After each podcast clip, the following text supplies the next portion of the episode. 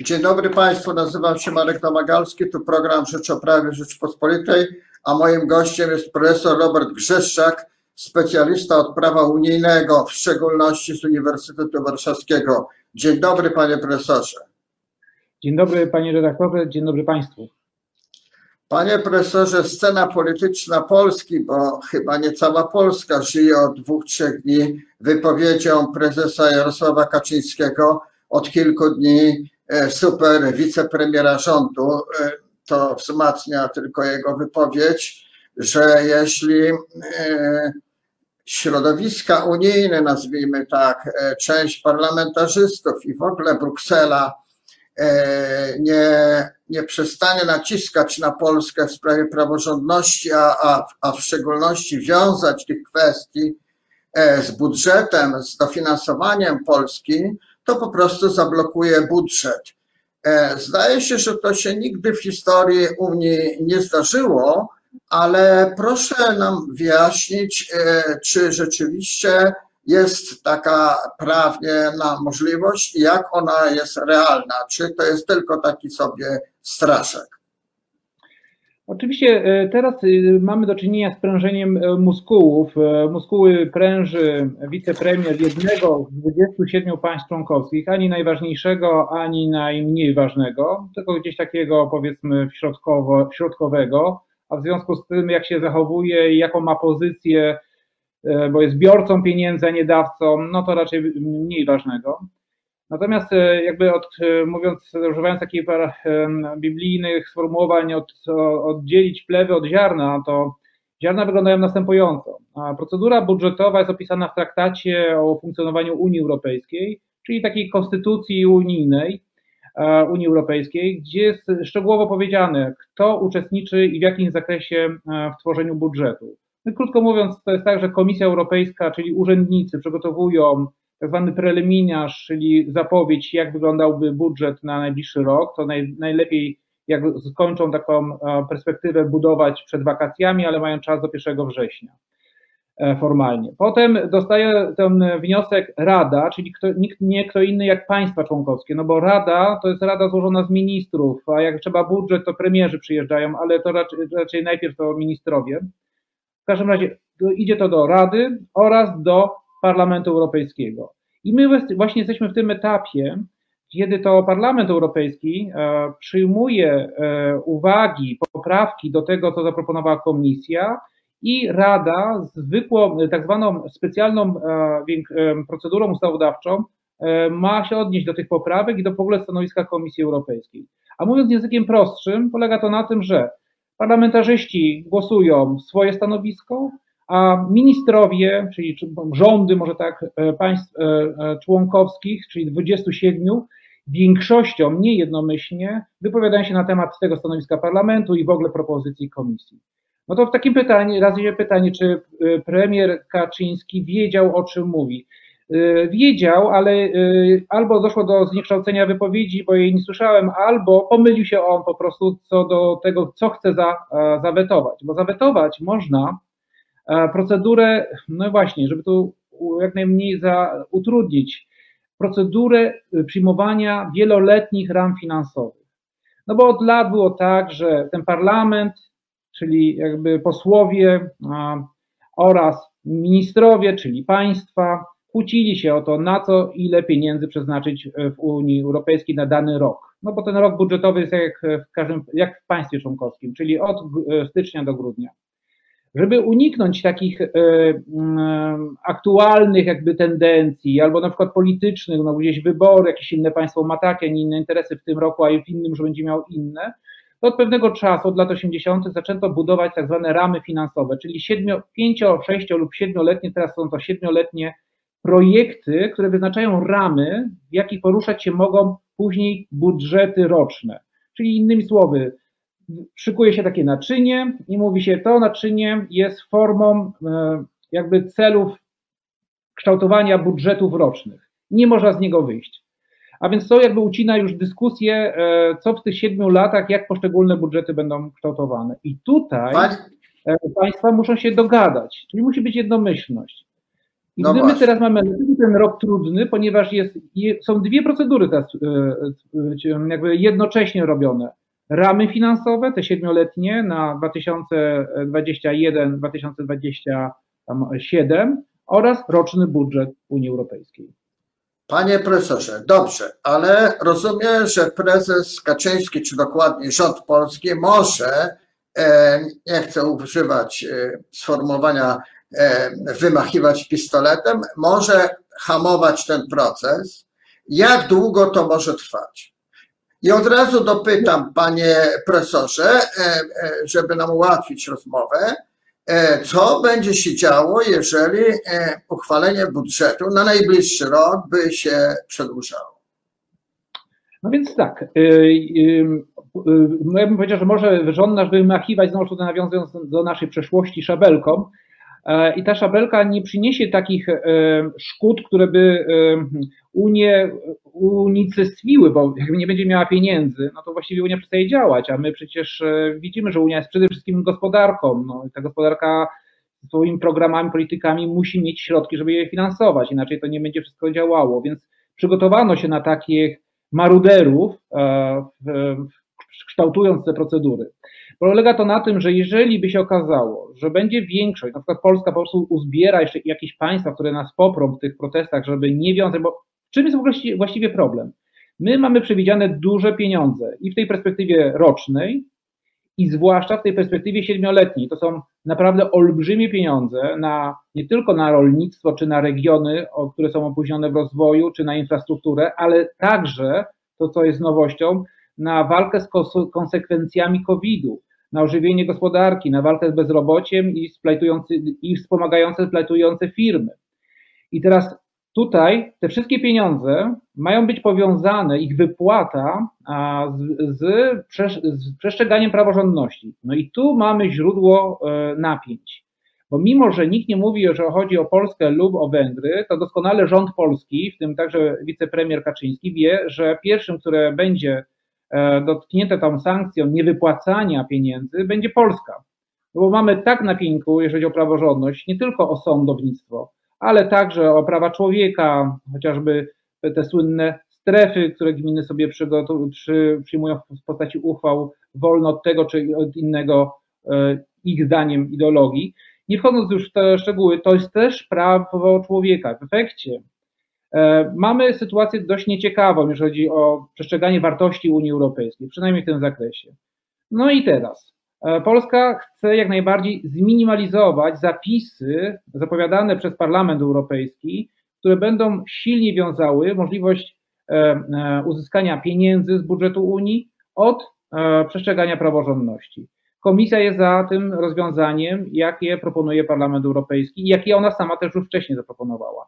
A Rada, czyli te, ci ministrowie, no są nieco bardziej wstrzemięźliwi. I teraz znowuż tutaj nowy podmiot wchodzi w grę. Co pół roku zmienia się w Unii Europejskiej tak zwana prezydencja. To jest nic innego jak urzędnicy danego państwa, premierzy danego państwa szefują posiedzeniom e, ministrów, którzy się spotykają z Unii Europejskiej, znaczy ministrów państw członkowskich, ale spotykają się na poziomie Unii Europejskiej w Brukseli, urzędnikom, którzy pracują w grupach roboczych. I teraz w tym półroczu, nieszczęśliwie być może, a może szczęśliwie, jest bardzo dobra prezydencja, bardzo efektywna i, i dobrze przygotowana, a mianowicie niemiecka.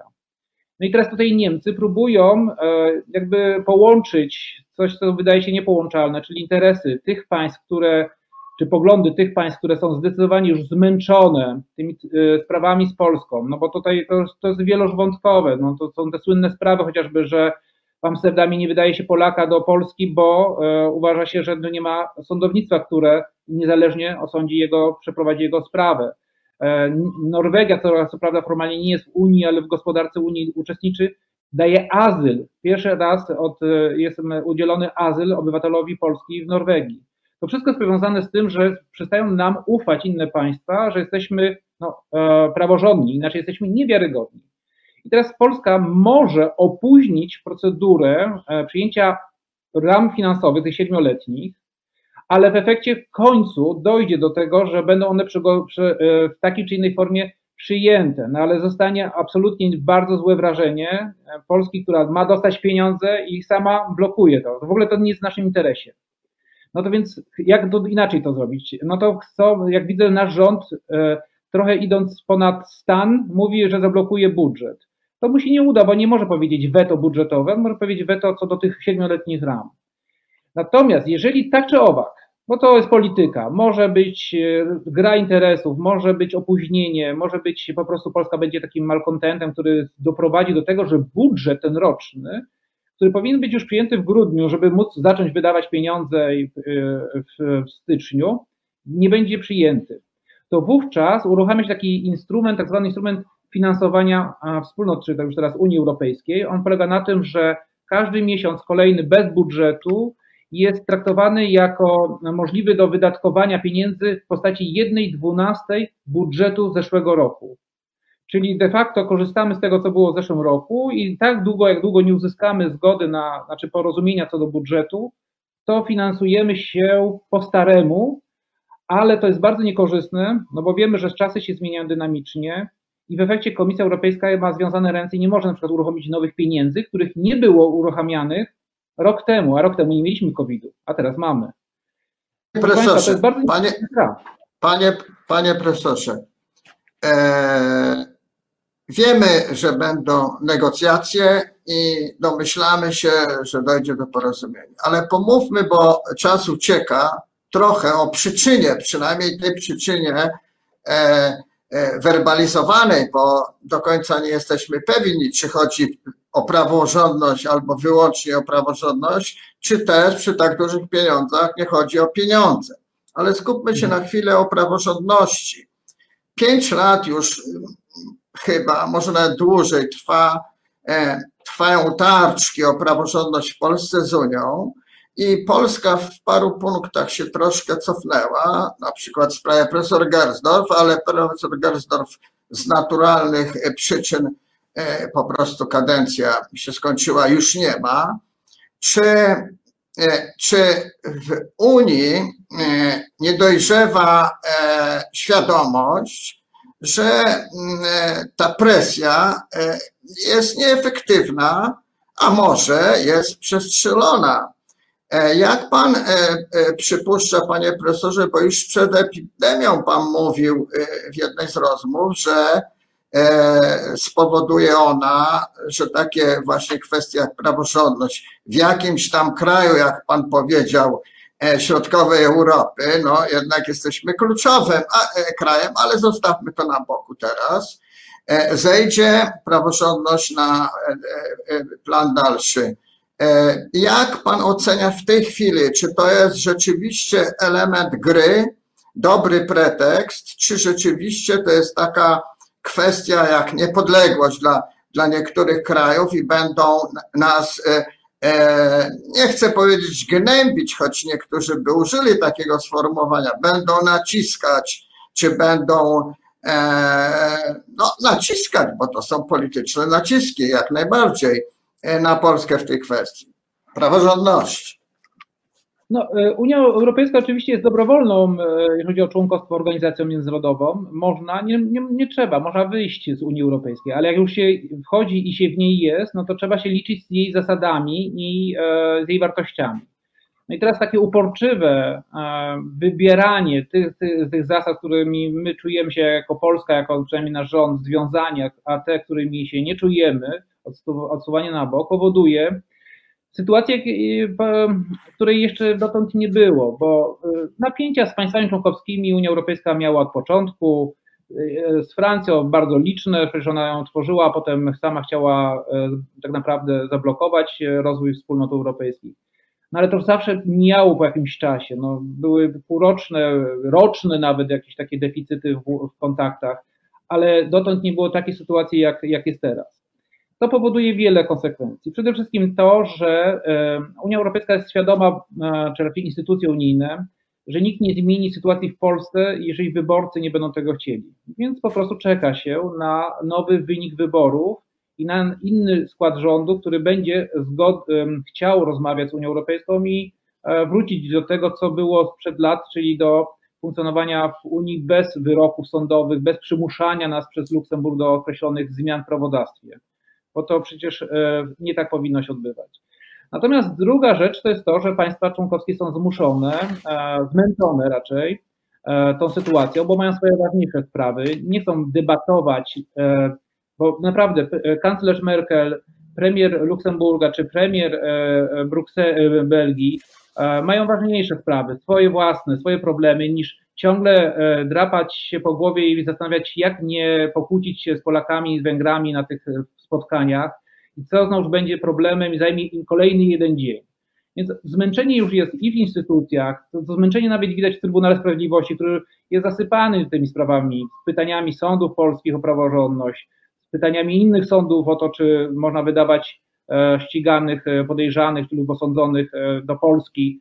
W związku z czym to zmęczenie materiału jest silne, a to spowoduje, że będą zmienione swego czasu, nie teraz, ale po kryzysie, traktaty stanowiące, czyli to, co stanowi Unię Europejską. I będą inne procedury dyscyplinujące państwa. A to, co się dzieje teraz, i to już się zaczęło dziać, to nie jest zapowiedź. To jest, e, powiąza- to, jest to, to po prostu umożliwienie karania finansowego maruderów.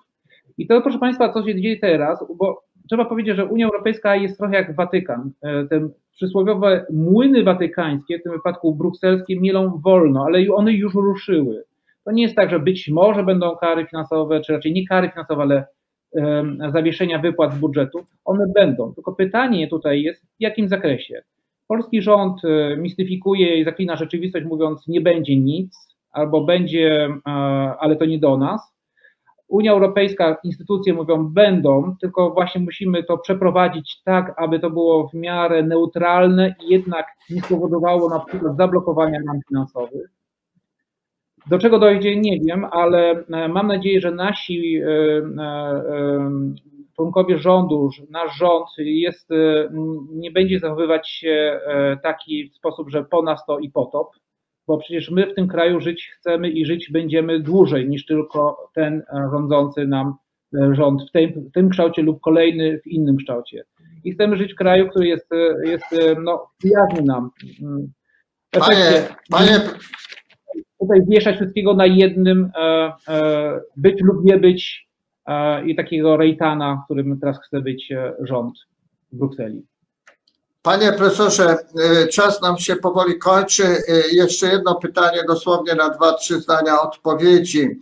E, nawiązując, y, ale powiem słowo o, o Pana sformułowaniu potop. No, e, nie zgadzam się, e, nie ma żadnych objaw, mimo potknięć tego rządu, żeby chciał tutaj nam zafundować potop.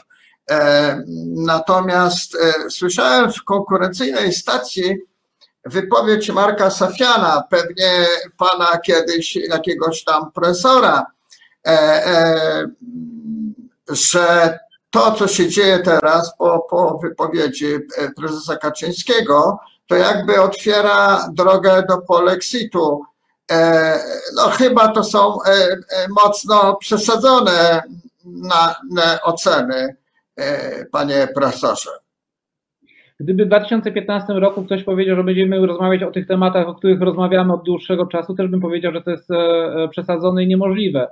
E, nie widzę teraz otwartej drogi do polexitu, do wyjścia z Unii Europejskiej, ale nic nie jest przesądzone. No, także od lat się kotłujemy. Mamy coraz więcej niekorzystnych wyroków, coraz więcej wisi nad nami tych mieczy Demoklesa, które w końcu zaczną spadać na nas. No to jest jak długo będą cierpliwi a my stajemy się takim państwem trochę rekolonią, bym powiedział. To znaczy gospodarczo jesteśmy z nimi, e, dzielą się pieniędzmi, żebyśmy mieli dobrą infrastrukturę, żebyśmy nie nawalali, mówiąc kolokwialnie, w tej gospodarce wspólnej unijnej, ale przestają się liczyć z nami jako państwem, które kształtuje przyszłość Unii Europejskiej. No więc czy taką członkostwo nam idzie, czy takiego członkostwa chcemy? E, no nie, nie chcemy. Jesteśmy średnim, średnio dużym państwem, i e, mamy e, prawo i, i, i, sposobność, żeby odgrywać większą rolę w Unii Europejskiej. No ale jest jak jest, czas pokaże, więc nie przesądzam o tym, czy profesor Stefan ma rację. Pewnie stara się po prostu wstrząsnąć opinią, mówić opanujcie się, po prostu zachowujcie się inaczej, bardziej e, mm, Unia Europejska to system ciągłych negocjacji. Żeby negocjować, to trzeba być e, po prostu przewidywalnym i e, uznawanym za rozsądnego. Więc tak naprawdę są to słowa nawołujące o to. No czas pokaże. Ja nie widzę wyjścia Polski z Unii. Społeczeństwo jest prounijne. trzeba byłoby najpierw zmienić nastawienie społeczeństwa, ale wszystko jest możliwe. Ja podobnie sądzę, panie profesorze, że nie, nie grozi nam wyjście z Unii. Polacy chcieli, marzyli o tym, żeby być w Unii i, i będą długo, długo w Unii. Może dłużej nawet niż sama Unia będzie funkcjonować, a mm, wypowiedziami sędziego skądinąd wielce sympatycznego Safiana nie przejmujmy się, bo próbuje chyba nas tutaj E, e, przywołać do porządku i niech to będzie e, puenta naszej rozmowy. Dziękuję Państwu, dziękuję Panu, Panie Profesorze. Moim gościem był Pan Profesor Robert Grzeszczak z najlepszego Uniwersytetu Warszawskiego. Dziękuję bardzo. Do zobaczenia.